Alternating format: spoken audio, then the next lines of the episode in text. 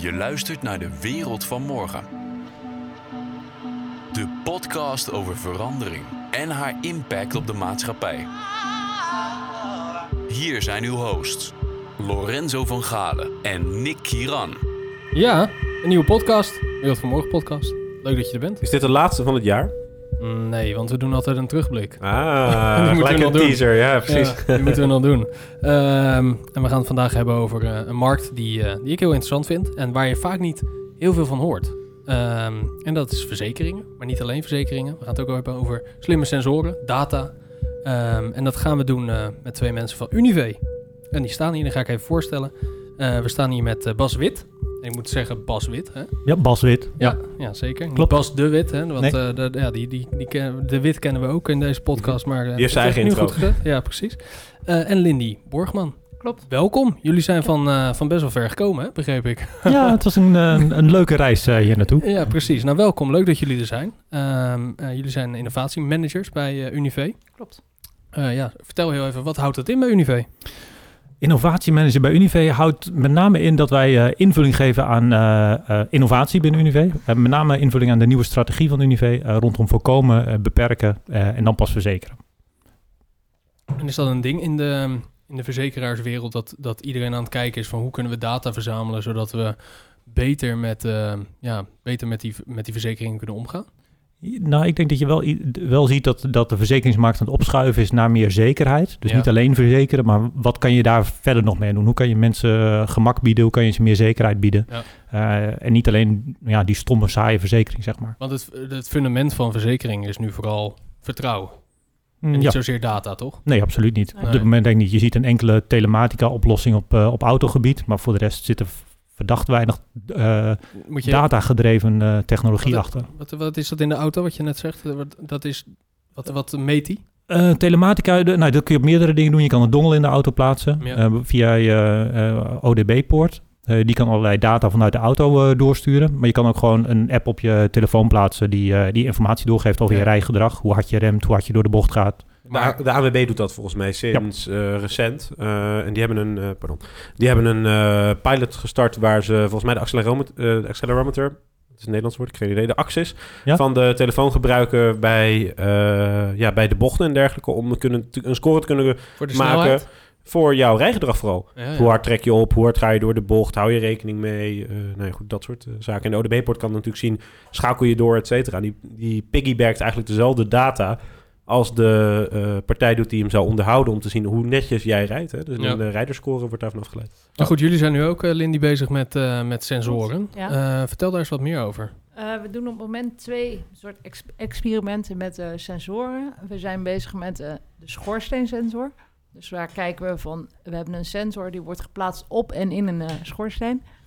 En dan, ehm, eh, het, ja, die, die zetten we er nu op en dan gaan we kijken wat is het stookgedrag. En kunnen we bijvoorbeeld, ehm, eh, kunnen we daarmee zorgen dat mensen veiliger kunnen stoken? Ehm, kunnen we schoorsteenbranden voorkomen? Kunnen we dingen zeggen over het stookgedrag? Dat ze bijvoorbeeld, eh, nou, er is nu veel discussie over fijnstoffen in de lucht. Kun je dan iets zeggen over, kun je Ja. het koppelen bijvoorbeeld met het weer? Dat is- Hoe, vaak gaat dit fout dan? Schoorsche- schoorsteen branden. Ik, ik, ja, ik kom het zelf niet vaak voor. Ik zie dat ook niet eh, veel Ik in was het nieuws. aan, of- maar volgens Twee- mij 2000 Ja. keer per jaar dan ru- Oké. rukt de brandweer uit voor een schoorsteenbrand. En voordat we hiermee begonnen, dacht ik altijd, nou, een schoorsteenbrand is echt, dan staat, dan staat je huis in de fik. Ja. Maar je kan bijvoorbeeld, eh, een schoorsteenbrand kan ook iets zijn wat in de schoorsteen zit, waardoor er bijvoorbeeld een scheurtje in de schoorsteen komt. eh, Ja. En waardoor je op een later moment een risico loopt. Ja, maar dat zijn als je dus nagaat... Stel, stel, stel dat we eruit gaan dat de helft van het jaar maar je, je kachel aanstaat... dan zijn dat er 12 per dag. Is één per provincie aan uitrukkingen van brandweer per dag. Ja. Ja. Nou ja, als je dat zou doorrekenen... dat is natuurlijk een hartstikke hoge kostenpost... ook gewoon voor de maatschappij.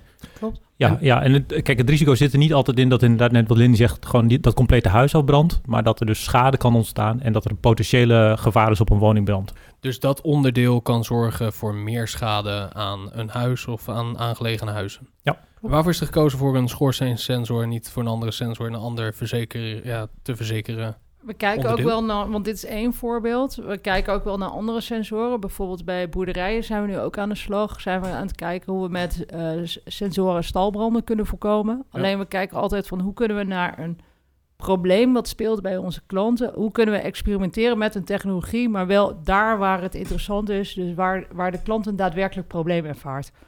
Ehm, en ja, dit is ook een probleem voor Unive, want op het moment dat we, als je als uh, coöperatief verzekeraar, heb je met z'n allen een potje en moet je zeggen van, oké, maar als het daar schade is, hebben we met z'n allen een grotere schadelast. Ehm, dus dat maakt uit.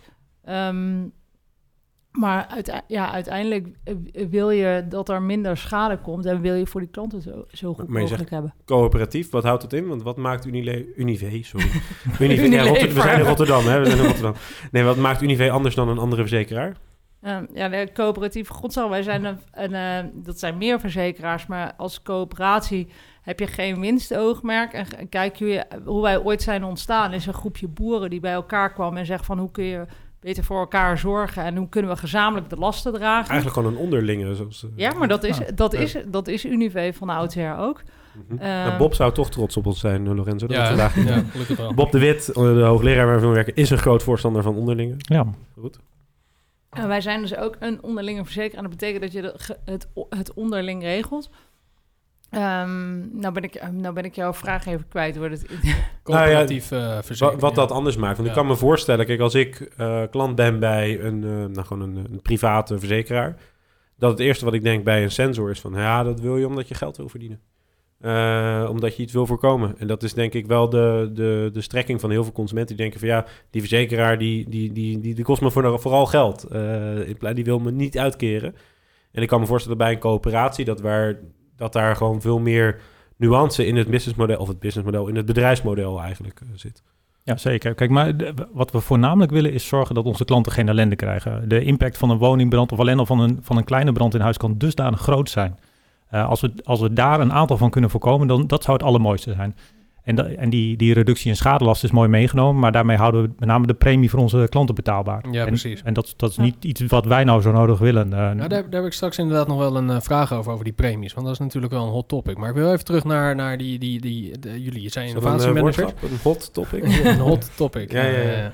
Eh, heel even terug naar die, eh, naar die afdeling die jullie hebben waar jullie aan het eh, innoveren zijn. Of Ja. in ieder geval kijken naar technieken en, en innovaties die je kan toepassen in jullie markt om, om dat te verbeteren. Waar kwam die behoefte vandaan om nu met sensoren aan de slag te gaan? Dus dat meetbaar te gaan maken. Nou, ehm, een van de dingen waar wij binnen ons innovatieteam met name naar kijken is hoe kunnen we technologie eh, toepassen om eh, onze verzekerden of onze leden zeg maar, van Unive verder te helpen. Eh, met name met het voorkomen en beperken. Dus, dus waar is het relevant en hoe kan je technologie inzetten? En bijvoorbeeld data die technologie oplevert, hoe kan je die gebruiken in je verzekeringsproposities of in een stukje dienstverlening? En dat, dat is ook met die gedachte, kijken we iedere keer naar dit soort problemen. Ehm, ja, we, eh, we krijgen input vanuit bijvoorbeeld eh, onze verzekeringskantoren. We krijgen input vanuit onze leden. We hebben zelf ideeën en die proberen we eigenlijk te verzamelen. Te kijken welke oplossing past daar het beste bij. En de ene keer is dat een stukje technologie. En de andere keer is dat bijvoorbeeld dienstverlening. Zo hebben we ehm, in, in voorloper van deze schoorsteensensor... hebben we ook een eh diensten-BV opgericht binnen Unive. Oké. Die abonnementsdiensten levert. Bijvoorbeeld schoorsteenvegen. Ja. Ehm, voor onze klanten. Dus die hoeven zelf niet meer een schoorsteenveger te zoeken. Misschien in een of andere loesje figuur wat ze anders eh, altijd eh, En- kregen. En dat kan je nu ook automatiseren, want je weet wanneer die eh, schoongeveegd moet worden Kijk, natuurlijk. Ja, pre- precies, dat is een mooi Ja. linkje. Door want de sensoren. nu, nu is het standaard zo dat wij als verzekeraar zeggen... één keer per jaar heb je een schoorsteen in je huis... één keer per jaar moet die geveegd worden. Maar we weten totaal niks over jouw stookgedrag. Ik weet dat Bas stookt om zijn huis elke dag warm te houden. Maar je hebt ook mensen die stoken zo af en toe leuk zo... met de kerst een haartje aan. Ja, wie loopt er dan meer risico? En met zo'n Ja. sensor kun je veel beter zien... wanneer gebeurt er wat in Ja. huis. Kun je beter maandwerk leveren. Ja, ik vind het heel mooi dat je dat zegt, omdat dat echt ook wel een van de di- dingen is die we erachter kunnen doen. Kunnen we bijna een soort usage-based insurance eh, creëren? Dat Ja. je eigenlijk eh, de verzekering op maat kan maken voor mensen die daar meer behoefte hebben en ook het onderhoud daarop aan kunnen passen. We zijn eigenlijk een beetje te laat met de podcast, maar je dan ook kunnen zien wanneer eh, Zwarte Piet daadwerkelijk langskomt. voorstellen. Dat is ook een mooie functie, denk ik. Dat zou je kunnen zien. Ja, ja, ja, ja, ja. ja. Nee, dat, eh dat ja, een verlengde daarvan. Nee, ehm, 16 december als we dit opnemen. ja. nee, maar goed, dit zijn natuurlijk ook... Kijk, dit is meer een as-a-service model, Mhm. eh, toch? Waar, waar je ook ehm, andere producten bij kan verkopen. Ja. Want op dit moment... Je hebt bijvoorbeeld ook een, eh, een, eh, een vaatwasser of een, eh, een wasmachine of een vaatwasser die je kan nemen... en die weet wanneer die kapot gaat. Nou, dan, dan wacht je niet totdat die kapot gaat... Maar die sensor zegt, hey, hij moet gemaakt worden. Dingen worden automatisch langsgestuurd en wordt gemaakt. Je kan Mhm. doorwassen, prima. Dat kost dan een x bedrag per maand. Dit is eigenlijk hetzelfde soort model. Ja. Waarbij je verzekerde onderdelen, of het een inboedel is, of je schoor, ja, eh, waar valt de schoorsteen onder? Inboedel. Inboedel? Op, Inboedel, ja, op- opstal. opstal. Opstal, ja. dat is opstal Opstal, inderdaad. opstal, ja. ja. Ehm, en dat zit daar dan gewoon bij voor Ja. een x bedrag per maand. Ja, preventive maintenance, predictive maintenance. Volgens mij hebben we alle Ja. hotwords. eh, nu. Ja, Helpt dit ja, bij ja, de ja. indexering van de podcast? Nee, maar ik ben dan wel heel benieuwd. Eh, wel in het verlengde daarvan is die premieprijs. Want op het moment dat jij, ehm, of de premie, eh, op het moment dat jij meer data hebt, kun je dan ook een aangepaste premie bieden aan je klanten. Op het moment dat zij wel een sensor nemen. Nou, ehm, kijk, we zijn nu natuurlijk nog heel erg in de onderzoeksfase, dus dat, kunnen we nu nog niet zeggen. We zijn nu met name aan het kijken van gewoon welke data levert die, die sensor ons nu überhaupt op. Ehm, we hebben er ook nog maar eh, nu twee hangen en donderdag gaan de, de volgende de schoorsteen in. Dus, dus we zijn nu eerst aan data verzamelen. Maar met bijvoorbeeld die, die- dat dienstverleningstuk, die abonnementen die we leveren, eh, daar zit een, een, een alarm in huis, eh, functionaliteit bij, een centrale verwarmingsonderhoud, een schoorsteenvee. Daarmee zeggen we wel van, goh, omdat jij dus iets, iets doet, bewezen iets doet aan het onderhoud van je huis en aan de veiligheid in je huis, geven jou wel korting op je woonverzekering. Dus, dus daar, daar zit al een eerste component in. Dus ik, ik denk dat het ook logisch is. Op het moment dat jij aantoonbaar kan maken dat je eh, goed voor je huis zorgt en goed voor je veiligheid zorgt, dan kun je daar ook iets voor terugverwachten. Volgens Ja. mij is dat ook met een alarmsysteem zo. Als jij een inboedelverzekering hebt en je neemt een alarmsysteem, je kan aantonen dat die aanstond. En dat kun je continu doen, krijg je volgens mij ook een bepaalde korting. Ja. Of korting op de aanschaf van het alarmsysteem bijvoorbeeld. Ja. Eh, ik denk dat dat op zich geen nieuwe me- methodiek is, maar ik wil eigenlijk even gaan inzoomen eh, op de techniek, als dat, eh, als dat mag. Eh, want je zegt, naar de eerste twee eh, hangen nu. Mhm. Ik ben heel erg benieuwd, hoe zijn jullie gekomen tot... eh, hoe heb, want jullie hebben dit niet zelf ontwikkeld, denk ik. Althans, ik verwacht niet dat er een high-tech Nee. IoT-team bij Unive ergens Nee, in de we hoek zit. we hebben verstand van ver- verzekeren, maar ja, op het moment dat je naar voorkomen en beperken gaat, moet je andere dingen gaan doen eh, dan alleen verzekeren. Daar ligt onze kennis niet. Dus wij zijn vorig jaar zijn we samen met de Kamer van Koophandel hebben de KVK Challenge gedaan, de Ja, KVK KVK. Adventured. Business Challenge heet het Sorry, volgens mij. oh, de business. Het, heet nu, destijds heet het KVK Adventure, nu heet het de Business Challenge. Ehm, daar hebben wij eigenlijk het, het probleem wat wij hadden, dus het voorkomen van die schoorsteenbranden en eh, inzicht krijgen in stookgedrag, hebben we daar neergelegd. Daar hebben een aantal ondernemers op gereageerd, MKB'ers. En daar zijn we uiteindelijk met een drietal daarvan zijn we aan de slag gegaan. En dat zijn ook de partijen die samen met ons dus nu die schoorsteensensor ontwikkelen. En wat, eh, wat, is die, wat doet die sensor? Houdt die temperatuur bij? Houdt die... eh, Eh, ja, we hebben, we hebben in principe, het is een, eh, een systeem met twee sensoren. Eentje bij de, bij de uitgang van de, van de kachel naar de, de schoorsteen toe. Mhm. Dus die zit, zit daarop eh, gemonteerd. En eentje zit bovenop de schoorsteen. Dus we kunnen twee temperatuurpunten meten. Ehm, op dit moment zitten er geen andere sensoren in. We hebben alleen voor temperatuursensoren op dit moment gekozen. Omdat dat het meest betrouwbaar was. En we zeker wisten dat we daar goede data uit konden krijgen. En we kijken nu met name naar eh, eh, het verschil tussen de temperatuur beneden en boven. mhm. Uh, en dat zou een potentiële indicator kunnen zijn voor een schoorsteenbrand. Als je ziet dat de temperatuur beneden en boven eh, bijvoorbeeld eh, eh, gelijk is, of de temperatuur boven hoger wordt dan die beneden temperatuur, dan weet je dat er iets aan de hand is. Uh, en we kijken nu met name naar hoe vaak stookt iemand, uh, wat zijn de, de stookcurves. Dus dat is eigenlijk fase 1 waar we nu in gaan. Ja, want ik kan me voorstellen dat, ook, dat jullie op zoek zijn naar, naar variabelen of een set van variabelen die iets zeggen over de kans op een. Uh, ja, dat je eigenlijk kan voorspellen op een gegeven moment zelfs van... Ja. hey, dit, is, dit gaat richting een, uh, Ja, een threshold van daad, een patroon Ja. inderdaad... waarbij je zegt van ja, nee, hier moet wel even een veger langs. Of Ja. hier moet iemand langs. Ja, we wilden heel graag eh, kijken naar de oorzaak van schoorsteenbrand. Of we, of we iets, iets rondom dat stuk konden meten. En dan kijk je met name naar creosootvorming. Dat is een soort teerachtig goedje wat in die schoorsteen achterblijft als je bijvoorbeeld eh, nat hout stookt. Of dat er eh, eh, een schoorsteen te snel afkoelt. Is dat roet of is dat iets ja, het is geen roet. Het is zeg maar onverbrand eh, materiaal volgens mij wat zich, wat zich eh, bevestigt aan de schoorsteenwand. Dus roet is, is echt wel verbrand, verbrand koolstof. Eh, en, en creosoot is meer een teerachtige laag die ook extreem brandbaar is. Oké. Dus, eh, en, en dat goedje wil je eigenlijk meten.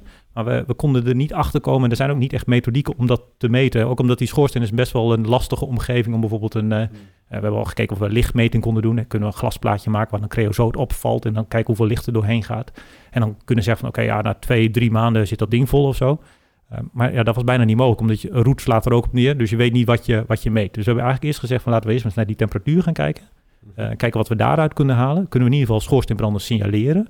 En kunnen we iets zeggen over de frequentie van het stookgedrag. En dan gaan we van daaruit verder uh, uh, experimenteren. Ja, het is super interessant. Want ik kan me voorstellen dat, dat het een sensor of een batterij is. Want er zit geen stopcontact in de schoorsteen bij ja, de mensen. Ja, het, het, is een sensor beneden. Mm -hmm. zit hij in topcontact. En Mhm. eh, daar is hij verbonden met het wifi. En met een, eh, met een, eh, een eh, LoRa-netwerkje. Dus een, Mhm. eh, gewoon een... een, eh, Een long range network. Een long range gaat hij naar de schoorsteen. Eh, dus het is een soort eh, mini-LoRa-netwerkje. Dus hij zit niet op het eigen LoRa-netwerk. Eh, die dataverbinding vonden we te traag voor eh, het echte signaleren. Dus alleen de communicatie tussen de schoorsteensensor en eh, de, de sensor beneden gaat via LoRa. En de schoorsteensensor boven wordt gevoed met twee zonnepaneeltjes. Oh, oké. Oh, dus, Ah. dus hij, eh, maar dat is wel interessant. Maar hij staat dus in, de- eh, dus zijn, zijn, zijn lokale connectie is LoRa. Ja. En dan daarbuiten is het via het wifi-netwerk van, de cons- van de consument, denk ik, of van de klant. Ja. Maar LoRa was te traag, zei je? Wat, wat stuur je dan in hemelsnaam wel niet eh, rond? Want, nou, de, de datafrequentie waarmee LoRa eh, de pakketjes stuurde, Mhm. die zou potentieel te traag kunnen zijn voor het opmerken van die schoorsteenbrand.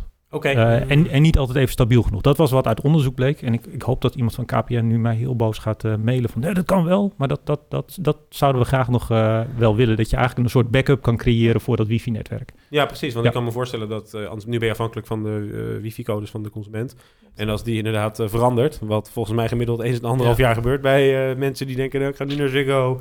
Nu naar UPC, oh, dat is hetzelfde. Oh, nu naar Vodafone, oh nee, dat is hetzelfde. Nu naar Casema, oh nee, dat is hetzelfde. Nee, dit is geen monopolie-grap, dit.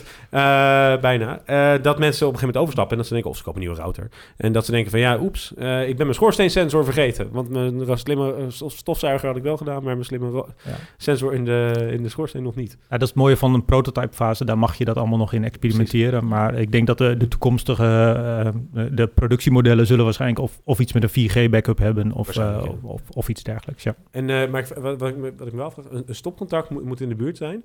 Kan dat wel met vuur en al dat soort eh, dingen? Dus dat is... eh, Ja, ik, ik kan je zo'n fotootje laten zien eh, hoe, dat, hoe, dat, hoe die eh, hoge temperatuursensor naar een klein kastje loopt eh, Mhm. en van daaruit naar een stopcontact. Dus, ah, op die manier. En waar, waar gaat die data heen dan? Wie, wie houdt een oog op die data? eh, die data gaat op dit moment nog naar eh, de partij waarmee we eh, de schoorsteen-sensor ontwikkelen. Dus zij hebben een klein dataplatformpje. Ja. Ehm, eh, en, en daar doen we kleine analyses erop. Dus de, je, we hebben een dashboardje gemaakt waarop je de, de stookfrequentie ziet, de, de actuele temperatuur van de binnen- en buitensensor, eh, of die überhaupt het nog doet. Eh, dus, dus het is op dit moment vrij simpel. En vanuit het eh, innovatieteam hebben we wel het standpunt, de data is altijd van de klant. Dus ook al, ook al gebruiken wij jouw data op dit moment om analyse te doen, da- dan moet je ook even netjes een formuliertje voor ondertekenen. Maar we hebben wel vanuit ons innovatieteam gezet bij alle proposities die wij ontwikkelen, hebben we als uitgangspunt de data is van de klant. Dat is ook het mooie dat we bijvoorbeeld binnen die diensten BV een apart bedrijfsonderdeel hebben gemaakt. Daarmee kunnen we zeg maar, ook voor al die pilots die we doen, kunnen we zeggen, ook die data die valt in die diensten BV. En die hoeven dus niet per se te delen met de verzekeraar. Dat kunnen we alleen doen na toestemming van onze klanten. Ja. Oh. Ja, ik vind het ook eh, be- best wel eng hoor, als eh, verzekeraar eh, best, best wel wat data in handen hebben. Want daar kan je natuurlijk ook een premie op aanpassen. Ik bedoel, dat gebeurt natuurlijk al. Een auto is duurder te verzekeren als je een Volkswagen Polo hebt, want die worden meer gestolen. Maar goed, dat, dat, dat, dat, ja, daar zullen jullie geen antwoord op geven. Maar ik vind het, ik vind het een beetje tricky als de verzekeraar heel veel data in handen krijgt. Ja, maar dat, dat was voor ons ook de reden om te zeggen van oké, de, de propositieontwikkeling rondom diensten en, Ja. en ook rondom IoT zetten we Ja, op dit precies. moment in die diensten BV. Dus dat is een aparte BV die losstaat van het verzekeringsbedrijf, wel binnen dezelfde coöperatie. Ja. Maar daardoor moet de klant ook echt toestemming geven aan de, aan, aan de dienst BV om de gegevens door te geven aan de verzekeraar. Wat voor diensten zou je nog meer kunnen, kunnen aanbieden als verzekeraar op het moment dat je meer data hebt van klanten? Of althans, de juiste data. Ik denk dat je op heel veel gebieden wat kan. Je kan we, we hadden het net al over het vo- eh, voorbeeld van mobiliteit. Ehm, Ja. Ik denk op heel veel domeinen. We hadden het net met elkaar voor die tijd al even over zorg. Dus dat, Mhm. dat is sowieso altijd... Ja, Ja, daar hebben we het wel eens eerder, over gehad. Als jij een smartwatch hebt die data verzamelt en die weet hoe... eh, ja, of een, eh, Of een een ring. ring inderdaad. Eh, je, je steekt nu je hand op. eh, Ja. eh, ja. Zien de mensen je thuis hebt- niet, je hebt- maar, Je eh. hebt een hele, een hele flitsende ring die waarschijnlijk ook data verzamelt. want Anders had je hem niet opgestoken. Maar dat, eh, dat- ja, als, je, als je die data hebt, dan kan je natuurlijk laten Als je zien... die in je open haard houdt, dan zegt hij dat het warm is. dat is een hele bijzondere. doet hij wel, Ja, dat doet hij wel. Maar ik denk op heel veel gebieden. Hè? Dus Ja. ook zijn mobiliteit, hadden we het net over. Ehm, het kan op zorg, het kan rondom je woning. Er zijn zoveel domeinen waar Ja, het op tuurlijk. kan.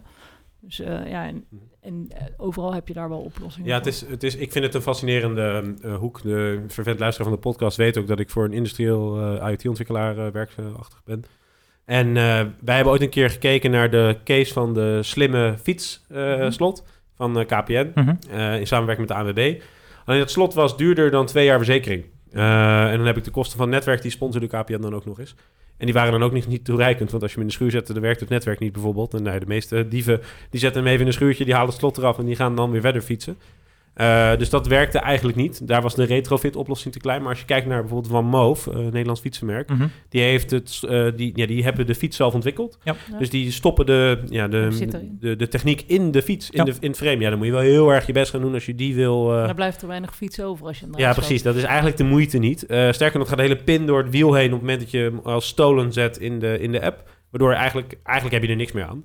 Eh, dat zijn hele mooie toepassingen van IoT. Maar daar zie je dat het eigenlijk retrofit, oftewel het achteraf aanbrengen, is daar heel erg lastig. En is ook heel erg duur, want een slot is ook gewoon duur. eh, ook als je gewoon naar de fietsenwinkel gaat. Maar ik denk dat zo'n schoorsteensensor eigenlijk precies in dat, in, dat, in dat spectrum zit, in het midden. Zo van ja, dat is iets wat je eigenlijk niet, dat heb je niet hangen. Dat wil je ook niet dat je bouwer van, van je huis dat gaat doen. Want ja, dat is helemaal niet het specialisme van die bouwer. Eh, maar aan de andere kant is het dan een hele mooie oplossing dat je denkt van ja, dit zou inderdaad wel kunnen. Ik kan me ook voorstellen, kijk, dit is een prototype. Nou, de batterij, eh, ja, ik, ik, ik kan voorspellen dat die waarschijnlijk weggaat eh, bij een uiteindelijk product. Want dat zou makkelijk zonder moeten kunnen. Mhm. Ehm, eh, net zoals die wifi-verbinding. En dan, dan heb je eigenlijk een soort systeem. En dat, dat vind ik dus heel interessant. Is, we gaan je hem dan koppelen aan het huis of aan de, aan de bewoner? Want je zou ook kunnen zeggen, ja, als je weggaat, dan is het net zo interessant voor de volgende bewoner. Omdat daar zou je bijvoorbeeld ook de, ja, de, de hoe noem je dat, voor zijn vegen, de, de Mhm. historie daarvan kunnen Ja. weghalen. Ja. Dus kan je zeggen, het is een veilige schoorsteen, et cetera.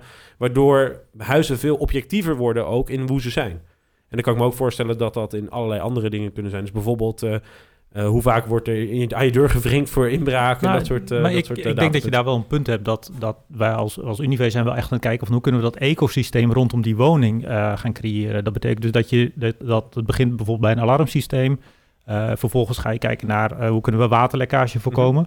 Eh, in, in Denemarken zijn ze bijvoorbeeld nu een pilot aan het doen met slimme watermeters. Dus net zoals een Mhm. slimme elektriciteitsmeter hebben ze daar een slimme watermeter die je waterdoorvoer meet en je waterverbruik. Kun je daar bijvoorbeeld analyses op doen dat er lekkage is in je woning. Ja. Nou, als je dat soort informatie kan delen. Dus je creëert eigenlijk een, e- een ecosysteem rondom veiligheid en preventie in de woning. Ja. En, en dat is waar je naartoe wil. Eens, Maar dat is, wat jij zegt, Nick, is dat, Sorry. dat je eigenlijk... Oh, dat is de tweede keer al. eh, Ja, ik, eh, ja. Ik ben uit vorm. Ja. Ik eh, sla de microfoon elke keer heen en weer. Hey, maar eh, wat jij eigenlijk bedoelt is dat je, dat je een track record verzamelt van een huis. En dat, dat misschien een extra factor zou kunnen zijn waarom je een huis zou kopen of, eh, of, of zou, zou in zou willen gaan wonen. Omdat het veilig als- is. En, Ja, zie je hem dan als een soort van, dus niet gekoppeld aan de inwoner, maar gekoppeld aan het huis als Ja, een soort exact. van Het als verzekerbaar objectief object. onderhoudsrapport van je Ja, huis. Net als een auto, kan ik me voorstellen. Als jij een auto hebt waarvan alles mis mee is, een zogenaamd maandagochtendmodel, dan is dat fijn om te weten.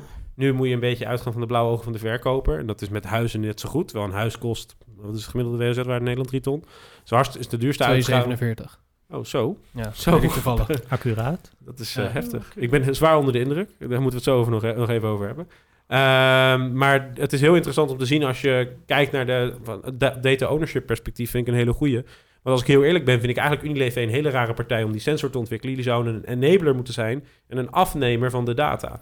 Alleen dat is een ideale wereld. Ja. En Ja. Er zijn nog niet heel veel sensoren, kan ik me voorstellen.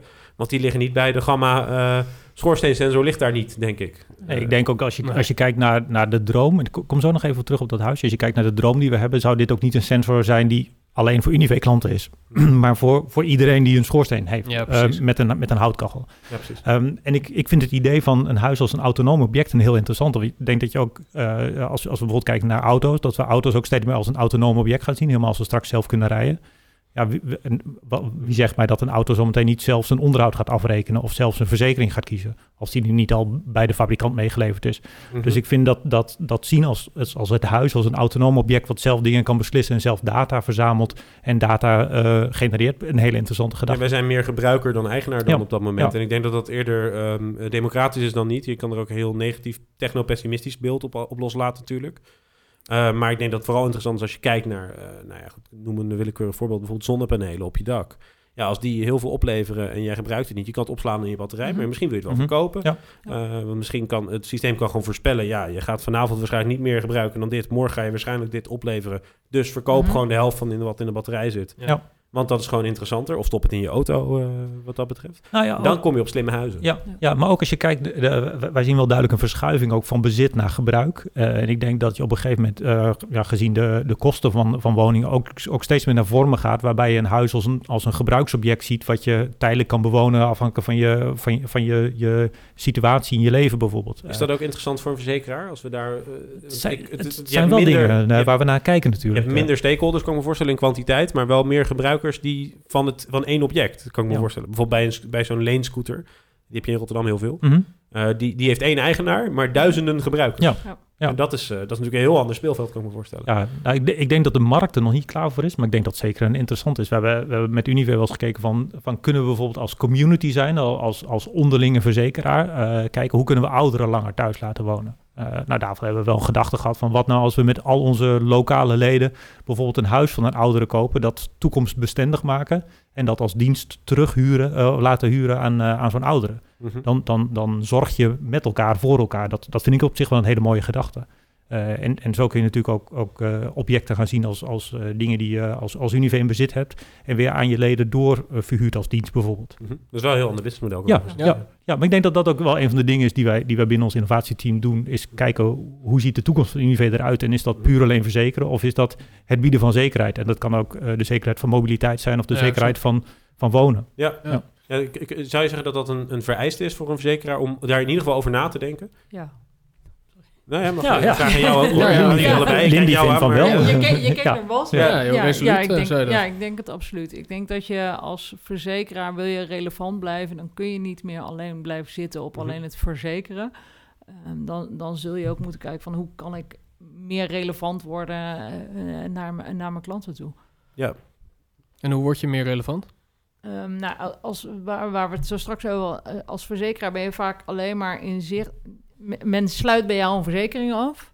En als het goed is, heb jij een hele tijd. Gebeurt er lekker niks en leef jij heel lekker en dan opeens heb je schade. Er zit vaak een hele tijd tussen. Ja. En je wil liever veel vaker relevant zijn. eh, als Unive meer in het leven staan van, van, van die klant. Ehm, de- ja, dus je wil relevanter zijn gedurende zijn hele klantreis. En niet, een, dus, eh, niet alleen maar wanneer er schade is, maar ook het voorkomen van de schade. Nee, kijk, ik denk dat, dat in, het, eh, in het product eh, verzekering... Dat, dat mensen natuurlijk niet een verzekering nemen om daarna eh, te kunnen laten uitkeren. Mensen willen gewoon dat spullen werken. En als het niet meer werkt, dat je dan eh, ja, weer spullen hebt die werken. Ja. Ehm, ik denk dat dat de kern is eh, waarom mensen zich eh, verzekeren. Ehm, en dat is ja, de woonvorm die jij net noemt. Is natuurlijk ook... ehm, ja, er- er gebeurt best wel veel in de, in de woningmarkt op dit moment. Ehm, waardoor heel erg wordt gezocht naar nieuwe modellen om te wonen. Want starters en, en andere mensen kunnen geen huis meer vinden, Nee. kunnen geen huis meer kopen. Dus moeten gaan huren of op een, er moet een ander model komen. En als je zekerheid kan bieden als verzekeraar, dus niet alleen de zekerheid van, een, van iets wat je al bezit, maar ook zekerheid van bijvoorbeeld wonen of, of een bepaald, bepaald leven, dan is dat volgens mij wel een interessant, eh, interessant veld om te verkennen. Ja, je wil geen verzekering, maar je wil gewoon continuïteit van leven. Je wil je kwaliteit Exact. van je leven wil je handhaven. En soms heb je daar een verzekering voor nodig, maar soms kan het ook iets anders Ja, zijn. maar wat jij zegt met die scooter is natuurlijk precies hetzelfde. Je wil geen scooter bezitten, je wil hem gebruiken als je hem nodig Ja. hebt. En daarna prima, dan... eh, Ja, realiseer je wel dat dat het progressieve cosmopolitische beeld van onze Rotterdammers is. Eh, ik kan me ook voorstellen... Nou, Dat is hele- overal Nee, zo. nee, ik kan me voorstellen dat er ook gebieden zijn waar dat, eh, waar dat anders ligt. Of in ieder geval in de, in, in de demografische cohorten. Nou ja, zeker. Kijk, als je, kijk ik, ik woon in Drenthe op het platteland. Eh, daar is het leuk dat je... Zou het ook niet eens werken, denk ik. nee, Te weinig nee, gebruikers nee. per vierkante meter. Ja, weet Ja, je, bij waar, vind ik zo'n ding, zeg maar, dan?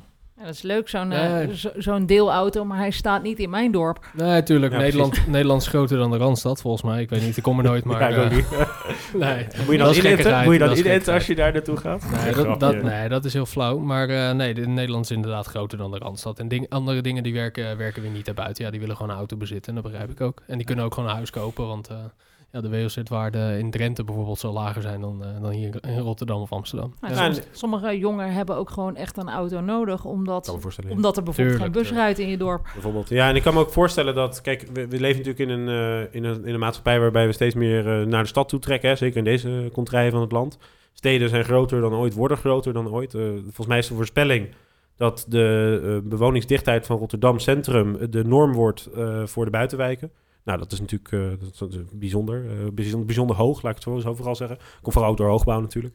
Eh, maar je ziet dat... ja, dat is heel simpel.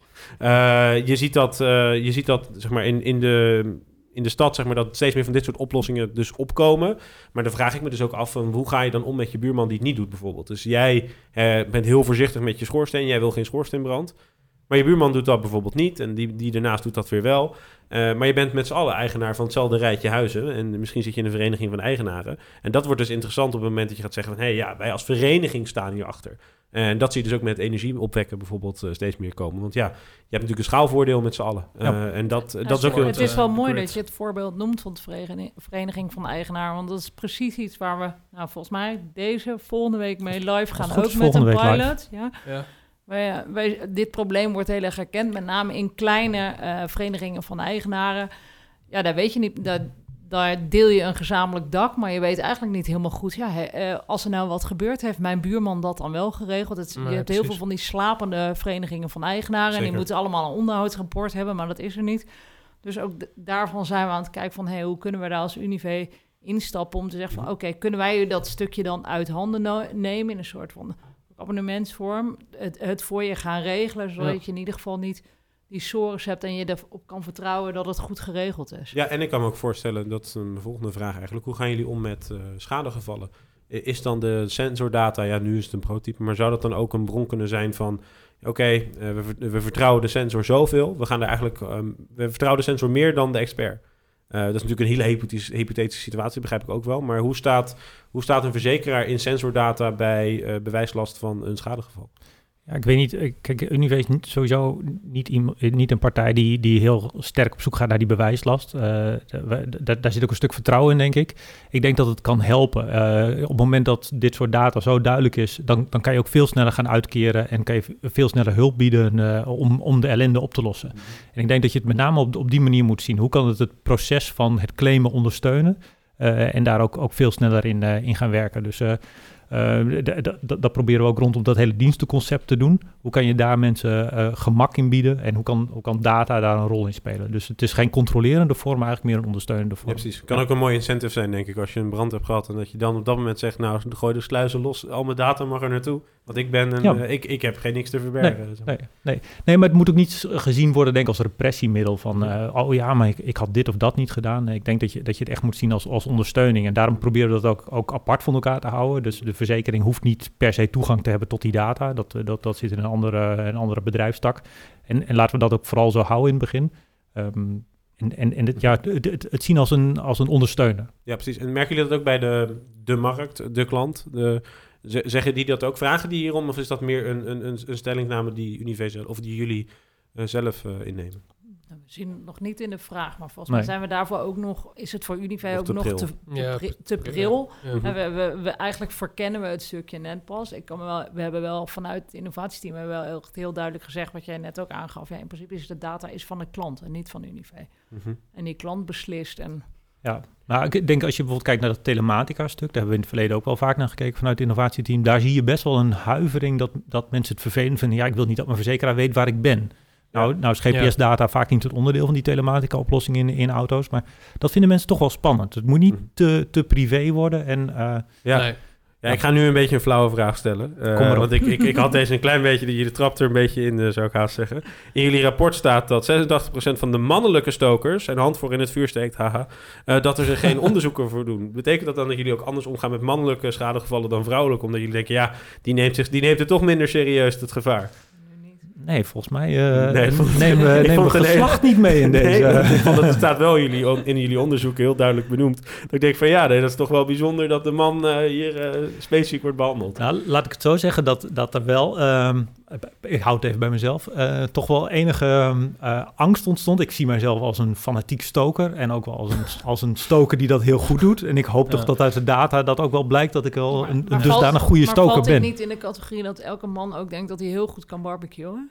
Ja, dat denk ik ook. Ja. Ja, mannen overschatten zichzelf vaak eh, sneller. Maar dat denk ik dan weer niet, dat scheelt dan. eh. Nee, precies.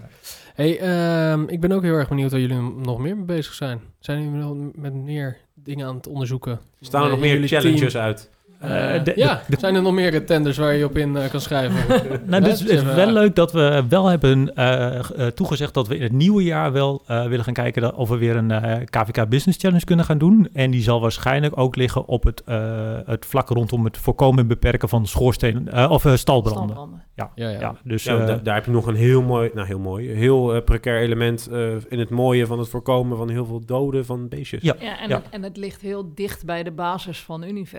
En waar je van oorsprong... We hebben een grote agrarische Mhm. achterban. Dus daar, is dat, daar speelt dat probleem echt wel. Dus dat kun je heel relevant zijn. Ja, ja en dus, daar zie je ook een aspect op een gegeven moment. Sowieso, je je hebt er een maatschappelijke verantwoordelijkheid, denk ik. Eh, je geeft zelf aan die ellende die die beesten hebben. Maar de ellende ook die zo'n die zo'n boer eh, eh, ja, heeft. uiteraard. Eh, nou, we, we zijn op dit moment met een pilot bezig waarbij we drie boeren eh, gaan voorzien van een heleboel sensoren in die, eh, in die boerderijen. Dat, is- is een, eh, meer een, een veeboer, een vermelkboer, een Ja. kippenboer, Kippenboer. en een, een algemene agrariër die, eh, die meer in de, in de landbouw zit. Die Ehm, moeten natuurlijk die stikstof eh, verantwoorden. ja, nou ja, ja ik, ik- daar gaan we dan weer net niks mee doen. Nee. Misschien is dat ook wat te Jammer. gevoelig, maar eh, de- we, we Misschien gaan... moet je daar je handen niet aan branden. Nee. Nee, nee, nee. Nou, Die niet. Nee, ja, daar niet. Nee, maar dat, dat zit met name op, het, op, het, eh, op dat stalbrandstukje. en eh, hoe, hoe kun je daar eh, dingen in, eh, in meten? En dat is voor ons ook eigenlijk een, eh, een, een eerste pilot waarin we gaan kijken van wat gaan we nou doen met die grote datahoeveelheid die eruit komt. Eh, Ja, natuurlijk. dat, dat, dat vind ik zelf ook nog wel een, een, onderzoeksvraag die we, die we moeten beantwoorden. Daar werken we ook samen met een, eh, met een, eh, een, een IoT-data-partij, eh, Software AG, die, eh, die voor ons dat dataplatform doet op dit moment. eh, zodat we daar beter inzicht krijgen in hoe lopen die datastromen nou, hoe kunnen we Ja. data-aggregatie daarop doen, hoe ziet die data-analyse eruit en wat kunnen we daarmee eh, om onze leden te helpen. Maar als we hem iets Ja. kleiner maken... Oh, sorry Jeroen. Ja, dat- als we hem iets kleiner... Ja, ja, Als we iets kleiner maken en we kijken naar bijvoorbeeld brandmelders, eh, rookmelders, sorry. Ja. Mhm. Eh, we kijken naar, eh, nou, we hebben het net over beveiligingssystemen gehad, maar bijvoorbeeld ook een watersensor, GROE maakt die, weet ik toevallig. Eh, is het ook niet een idee om, als je, te- als je tegen eh, een verzekeraar zegt van, hé, hey, ik wil as a service, wil ik verzekerd zijn. Eh, ik wil het, voor, het, het voorkomen pakket, en er zal vast een Mhm. mooiere marketingterm voor te verzinnen zijn. Ja, Maar de- jij, jij zei net al dat we daar nu een hele mooie term voor hebben. Hoe heet ons? eh, Wonen zonder zorg. wonen zonder zorgen. Ja. Ja. WZZA's. Ja. dat Een abonnement. toch- Ja, wonen precies. zonder Ja. zorg abonnement. As a service, ja. Ja. Maar eh, assurance as a service. Oké. Eh, is dat niet een idee? Kijk, want ik kan, dat, dat vind ik altijd heel raar als ik kijk dat er heel veel partijen zijn die dat soort IoT-oplossingen maken. Denk aan Nest, denk aan Woonveilig, denk aan wie dan ook. Maar als ik mijn verzekeraar bel, die, die, die, net niet dat ze zeggen Nest wat. Eh, dus, in- althans in mijn geval.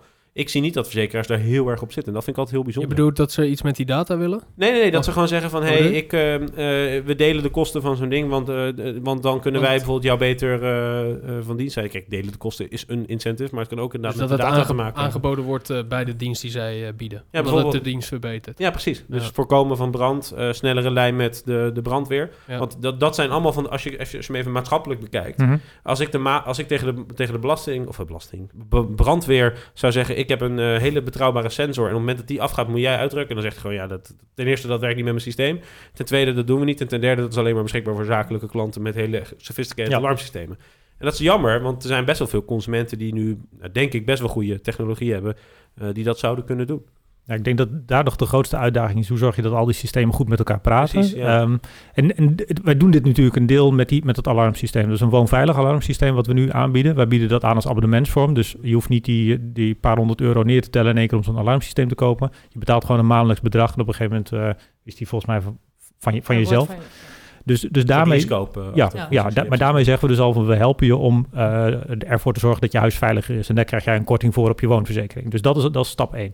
En vanuit Woonveilig zit natuurlijk daar ook de integratie met rook, eh, rookmelders Ja, bij en, en Ja. dat soort, de- al dat soort zaken. We hebben ook gekeken naar Leakbot, een, eigenlijk een, een sensor die je op je, op je waterleiding klikt en die, die met name kleine lekkages en, en plotseling waterverbruik meldt. Ja, daar zie je dus, het zijn allemaal van die puntoplossingen die een bepaalde, toch een bepaalde maandelijkse prijs met elkaar meebrengen. En je wil eigenlijk toe naar een totaalpakket. En ik denk dat dat totaalpakket er nu nog niet is. Eh, in ieder geval eh, ja, hebben wij hem nog niet gevonden in de ideale vorm. Dus ik denk dat je tot die, totdat er echt eh, een goede integratie is, dat je dan pas naar zo'n complete aanbieding kan kijken van een abonnement waar je combinatie doet van diensten en, en je verzekering in één. Is dat ook de strategie van Unive om die leiderschapsrol op te, op te nemen? Of, of zeg je nu van, nou, eigenlijk als ik naar ASR kijk, ik noem maar een partij, die zijn zover, dat is Silicon Valley aan de, waar zitten zij? Aan de Maas. Nee, ik Ja, weet het ik niet. weet niet waar ze Nee. Volgens mij staat ze op, op, op het review, maar dat weet ik niet zeker. Ja. Wacht, Je gaat zoeken nu. ik ga nu zoeken waar ACR zit Ja. voor het Ja. argument. Het Silicon Valley van Utrecht. Nou, ik, ik weet niet of Unive daar een, een eh, voortrekkersrol in gaat, gaat nemen. Maar wat we in ieder geval proberen is te kijken van hoe kan technologie eh, onze klanten ondersteunen. En hoe kunnen we dat nu in de meest praktische vorm doen. Eh Unive is natuurlijk niet de allergrootste verzekeraar in Nederland. en we hebben ook geen oneindig innovatiebudget. Dus wij moeten het doen naast onze bestaande way of working. Dus we zijn met name veel met verzekeringen bezig als bedrijf. En het innovatieteam doet experimenten daarnaast. Ja, vind ik wel jammer eigenlijk als ik eerlijk ben. Want ik had gehoopt dat jullie zouden zeggen... ja, niemand ziet de business case, want het hangt met allemaal partijen samen. Wij nemen dat risico. Maar ik kan me ook heel goed voor, het antwoord kan ik me ook heel goed voorstellen. We, we beginnen in ieder geval met de schoorsteensensor. Precies. Kijk, heel erg bedankt eh, voor jullie bijdrage, Bas Wit eh, en Lindy Borgman. Graag gedaan. Dank jullie wel. leuk. Ja, eh, van het innovatieteam eh, eh, bij Unive. Dankjewel. Nick, jij ook weer bedankt. Jij ook, Lorenzo? Ga jij een eh, slimme sensor nemen? Je hebt geen eh, houtkachel, hè? Nee, nee. Ik heb helaas geen houtkachel, want ik had graag de sensor toegevoegd aan mijn IoT-huis. Ja, je hebt wel zo'n IoT-huis, Ja. maar je hebt geen houtkachel. Heb jij een houtkachel? Nee, ik heb geen houtkachel. Jeetje, we zijn gewoon... Niet meer, ja, jammer. Welk in- huis, welk huis wordt nog gebouwd ook met, hu- ja, met een houtkachel? Ja, dat, het, eh, is, het is het is wel super leuk, beetje stoken, Ja. maar dat is wel, eh, ja, dat is een beetje vuur verantwoord stoken. Ja, precies. Volgende huis. Eh, nogmaals bedankt. Nick, jij weer bedankt voor, eh, voor je bijdrage. En eh, ook als je te luisteren, ook weer bedankt natuurlijk. En tot de volgende. We hebben de volgende podcast hebben we terugblik naar de terugblik. eh De vooruitblik. terugblik en de vooruitblik. Ja, Ja. precies. Nou, hartstikke leuk. Dan gaan we het hebben over of we verwachten dat er nog veel meer schoorsteensensoren komen. Ja. En dat soort Ja, onderwerpen. precies. Hey, bedankt.